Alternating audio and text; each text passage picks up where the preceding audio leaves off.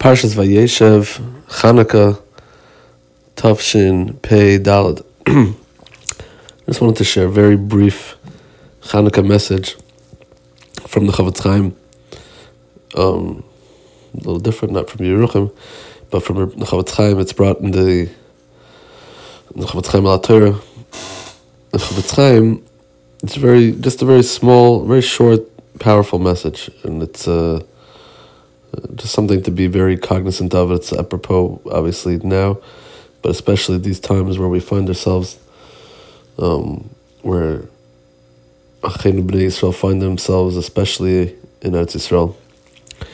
The Chofetz Chaim used to say that in the days of Hanukkah, the emphasis of the the Nitzachan, the victory of the great victory of the Chashmonaim, who were few in number over the Ivanim of the Greeks, who were great in number and size and power,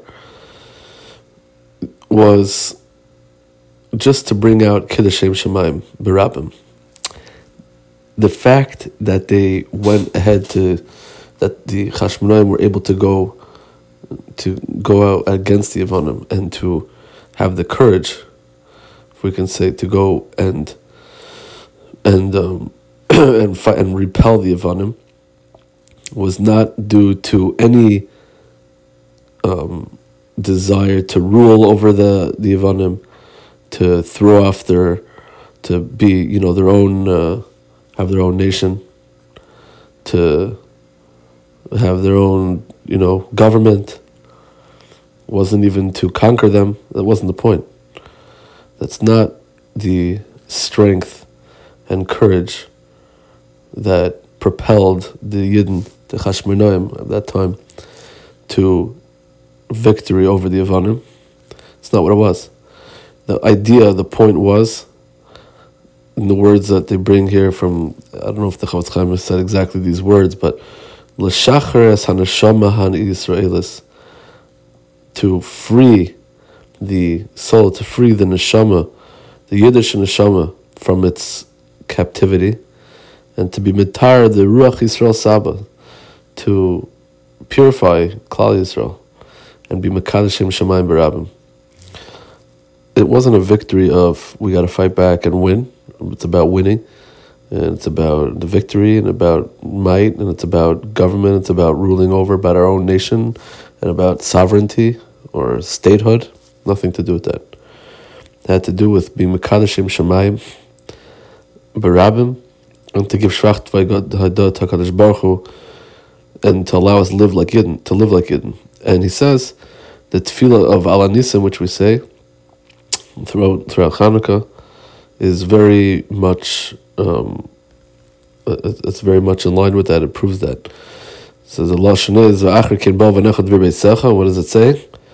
What they come to do. They they clean. They were Hamikdash. They came back, and what was the tachlis lahoidais ulahala l'shimcha gadol, to give shvach v'hidah, to give praise, to give to be mahalal hakadosh baruch Hu, because and that, that and that was the point of it. That was the whole point of the the netzach, and that was their drive to to overpower the Ivanim. That's the that was the matar. That was the point of it all at the point in the Nitzachin was only Bishvil Lahoidais or Lahala Lashimcha. That's it. No, no, you know, even now when we fight for our survival, um, the idea is not so that we need to attain our freedom to um, persevere as a nation state. That's not the idea. Uh, never was, never will be.